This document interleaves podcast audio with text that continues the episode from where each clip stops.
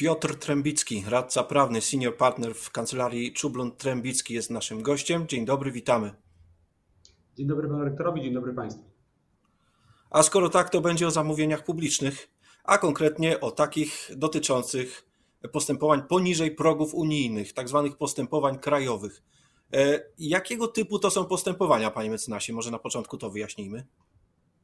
To są postępowania, czy ta nazwa krajowe oddaje no, jeden z ich, jedną ich różnicę pokazuje, bo one są, to, to są takie postępowania, gdzie konkurencja co zasady jest ogłaszana to tylko w kraju, bo tylko w polskim krajowym publikatorze Biuletynie Zamówień Publicznych i tylko po polsku, w odróżnieniu do wszystkich innych ogłoszeń, gdzie to ogłoszenia można znaleźć sobie grek po grecku, włoch po włosku i tak dalej, i tak dalej. Ale tak naprawdę chodzi o pewien rodzaj nieistotności tych zamówień z punktu widzenia kwot, czy innymi słowy, zawsze mogę zwariować, by można było, gdybyśmy na każdy pojedynczy długopis czy zeszyt robili zamówienie. W związku z tym na pewne zamówienia o mniejszej wartości Unia Europejska powiedziała i Polsce, wszystkim innym krajom, nie męczcie się z tymi zamówieniami, czy możecie nas jako Unię Europejską i, nas jako ten wspólny rynek, bo już o to chodzi w zamówieniach publicznych, interesuje li tylko e, zamówienia od pewnych, od pewnych kwot, to te kwoty są najbardziej istotne, a pozostałe inne zamówienia, tak zwane krajowe, no one są także dlatego krajowymi, że są z mocy naszego własnego kraju, naszej Polskiej Rzeczypospolitej e, z decyzji, decyzji naszych władz. My mamy, te, mamy decyzję, że mamy takie, a nie inne zamówienia w Polsce robione i stąd zresztą ta zmiana, o której pewnie za chwilę będziemy z panem rektorem rozmawiali, no ona pokazuje, że one są tak bardzo różne od tych europejskich, jak w całej Unii Europejskiej byśmy powiedzieli, no bo chociażby mamy nowe tryby, nowe zamówienia, no, nowe, no, nowe, nowe nazwy tych postępowań. Jasne. E, powiedzmy zatem, one, e, to dotyczy kwot e, przy robotach budowlanych jakieś niecałe 5,5 miliona euro, prawda? Jeśli chodzi o postępowanie krajowe, przy e, dostawach usług na szczeblu centralnym to będzie jakieś 140 tysięcy euro, przy szczeblu samorządowym 215 tysięcy euro. I już wiemy, jakich kwot to dotyczy, a co, jakie zmiany nam tu wprowadziło nowe prawo zamówień publicznych, no bo ono się niedawno przecież zmieniło? Proszę Państwa, właśnie więc po 25 latach obowiązywania systemu, pierwsza ustawa 94 rok, mamy w Polsce, mieliśmy taką no, jedność, jeżeli chodzi o nazewnictwo. Postępowania krajowe i postępowania unijne miały te same nazwy, miały inne progi, inne terminy, szereg różnych obostrzeń było większych dla postępowań unijnych, ale były te same nazwy, także w statystyce było to łatwiej ujmować, bo, bo łatwo było policzyć, że przetargów nieograniczonych, nieprzypadkowo o, o nich wspomniałem, było to 88-89% wszystkich postępowań, czy co dziewiąte prawie postępowanie. A teraz polski ustawodawca, żeby właśnie podkreślić tę, tę różnicę e, postępowań krajowych, no, po raz pierwszy w polskiej tradycji prawnej przeciął tą, tą, tą, tą zbieżność nas i otóż nie mamy w postępowaniach krajowych, których w Polsce jest bardzo dużo, kilkadziesiąt procent, nie mamy w Polsce, proszę Państwa, tych, w ogóle tych nas, nie mamy przetargu ograniczonego, nieograniczonego, przepraszam, tak? Nieograniczonego zresztą też podprogowe. Czyli tego, tej, tej królowej polskich trybów polskich, polskich zamówień nie mamy i to można powiedzieć nawet wielu zamawiających pewnie się obudziło w nowej ustawie i zapytało, jak żyć bez tego przetargu nieograniczonego. To nie do końca tak jest, ponieważ on w nowej nazwie w pewnym sensie występuje, tak, tak, tak, tak naprawdę ale, ale inaczej się nazywa, to też takie zerwanie z tą tradycją, też pokazanie tej odrębności zamówień krajowych moim zdaniem. A zmieniło się coś więcej niż nazwa, panie mecenasie? Oczywiście, tak, bo mamy tak do, do czynienia tak nawet z czymś, aż sobie przyjrzę, założę okulary, żeby dokładnie, e, e, e, żeby dokładnie to odczytać. Mamy tak zwany nowym trybem, trybem w zamówieniach, podstawowym trybem w zamówieniach krajowych jest tryb zwany nie, nie, nie inaczej jak właśnie trybem podstawowym, ale on ma trzy warianty ten pierwszy wariant, tak zwany bez negocjacji, to jest nie mniej, nie więcej, tylko inna nazwa, in, inne ubranie, inna szata przetargu nieograniczonego. Oczywiście jeszcze bardziej prostego, jeszcze bardziej odformalizowanego. Natomiast to ciekawość, ciekawostką w zamówieniach poniżej progowych, czyli krajowych, nieunijnych, tak bym jeszcze raz tą nazwę, kolejną nazwę wymienił, tak? Kiedyś zwane siedmiodniowymi, bo są takie szybkie, też ta, też ta nazwa dużo podkreślała. To ciekawostką jest to, że mamy jeszcze ten wariant podstawowy, ten tryb podstawowy ma wariant drugi, czyli z możliwymi negocjacjami i wariant trzeci z negocjacjami, to się formalnie nazywa, a potocznie musiałbym dodać słowo z obowiązkowymi negocjacjami, bo ono oddaje sens. Znaczy w wariancie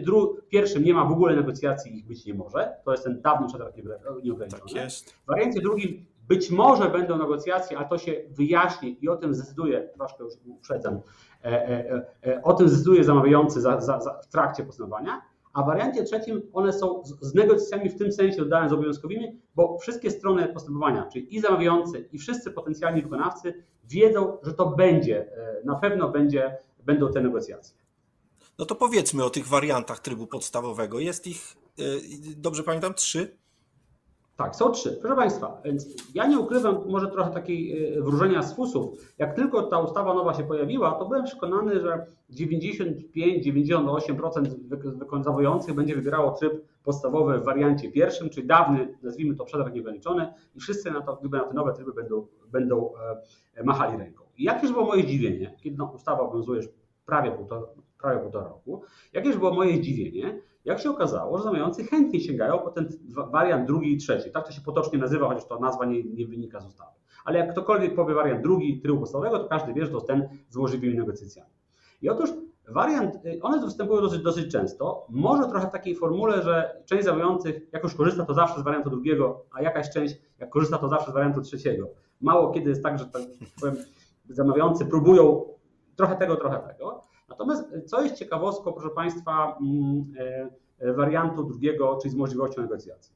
Zamawiający może negocjować treść ofer w celu ich ulepszenia przez wykonawców, ale o tym decyduje gdyby na etapie po złożeniu tych, byśmy powiedzieli, pierwszych, pierwszych ofert, czy ta nazwa jest niepoprawna, to zastrzegam to. Aha. Puryści, puryści prawni by mi zaraz krytykowali, pana rektora też, że to puścił na wizji, że to jest taki rodzaj oferty wstępnej w tym, w tym momencie. No, w tym sensie niewstępny rzeczywiście, że, że skoro nie wiemy, czy będą negocjacje, to być może nasza oferta, to nie wiemy, czy ona jest ostateczna, czy jeszcze będziemy mieli prawo, prawo ją, ją, ją poprawić. Ale to jest taka sytuacja, w której w zależności od tego, kto się zgłosił, co zaoferował, zamawiający decyduje się na negocjacje. Ja podam pewien przykład. E, ulubiony, oderwany od praktyki celowo. Załóżmy, mamy jakiś spory urząd, który kupuje 200 laptopów, tak? Załóżmy, że to z jakichś powodów, to już zależy jakie laptopy, ale mieści, mieści w tym progu, zresztą jeżeli przywołamy ten próg, szanowni Państwo, na szczeblu samorządowym to jest 215 tysięcy euro razy 4 z hakiem, to jest no, przy razy około 900 tysięcy złotych, to da się to, to 200 tysięcy laptopów zawsze no, netto. Można netto, kupić, tak. I teraz w zależności, wyobraźmy sobie, że widzi bardzo dobre laptopy z krótką gwarancją i trochę słabsze laptopy, ale z bardzo długą gwarancją.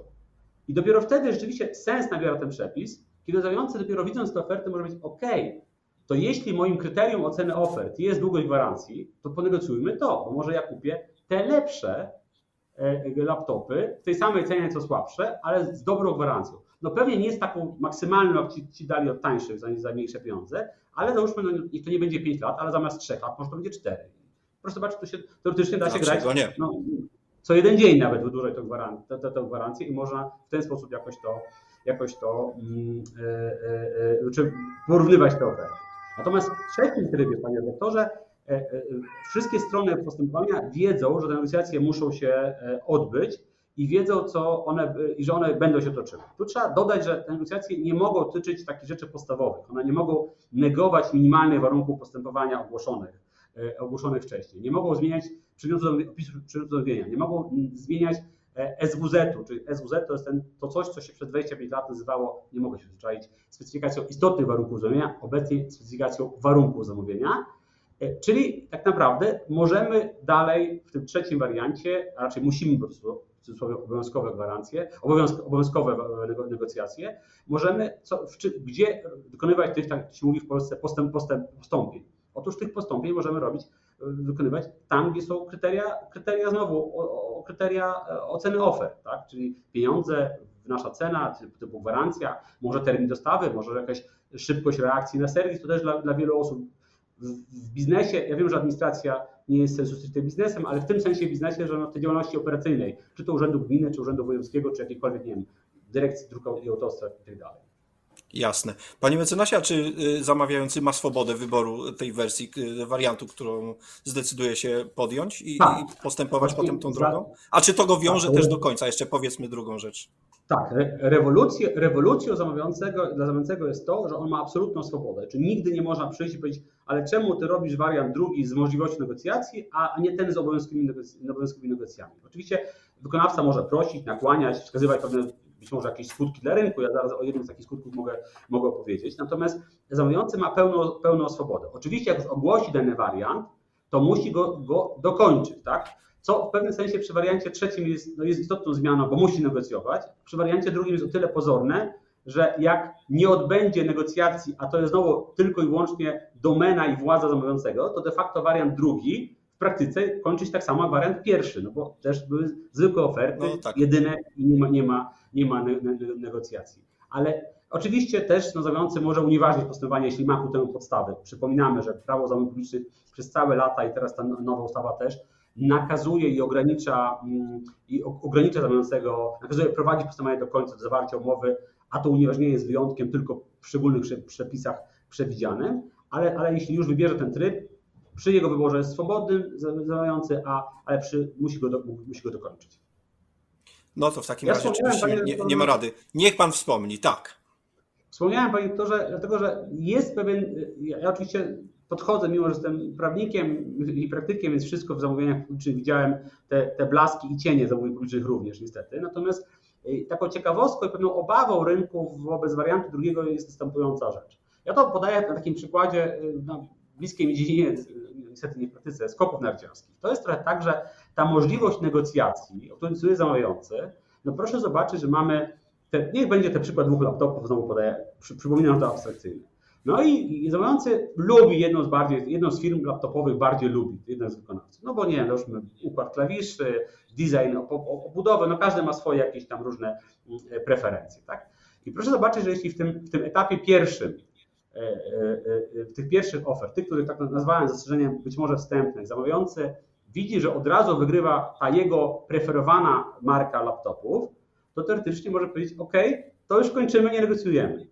A jeśli widzi, że, ta, że wygrywa inna, to oczywiście nie ma możliwości zmuszenia tej drugiej, tej, tej firmy, żeby przegrała, ale może dać drugiemu wykonawcy szansę, no bo sama możliwość otwarcia negocjacji jest już szansą dla tego, który jest na drugim miejscu. To ja zawsze podaję właśnie przykład ze skokami, to tak trochę jakby nasz Kamil Stok, co prawda no nie możemy go przepchnąć na pierwsze miejsce, ale w przeciwieństwie do konkurentów ma jeszcze jeden skok więcej. Jak będzie lepszy, to mu zaliczymy. Jak nie będzie lepszy, to mu nie zaliczymy. Prawda? Wiadomo, że e, druga szansa, powtórzenie jakiejś serii zawodów jest zawsze szansą dla tego, który jest drugi, trzeci, a nie dla tego, który jest pierwszy. Dlatego dla niego to jest tylko wyłącznie szansa na pogorszenie pozycji, a nie polepszenie.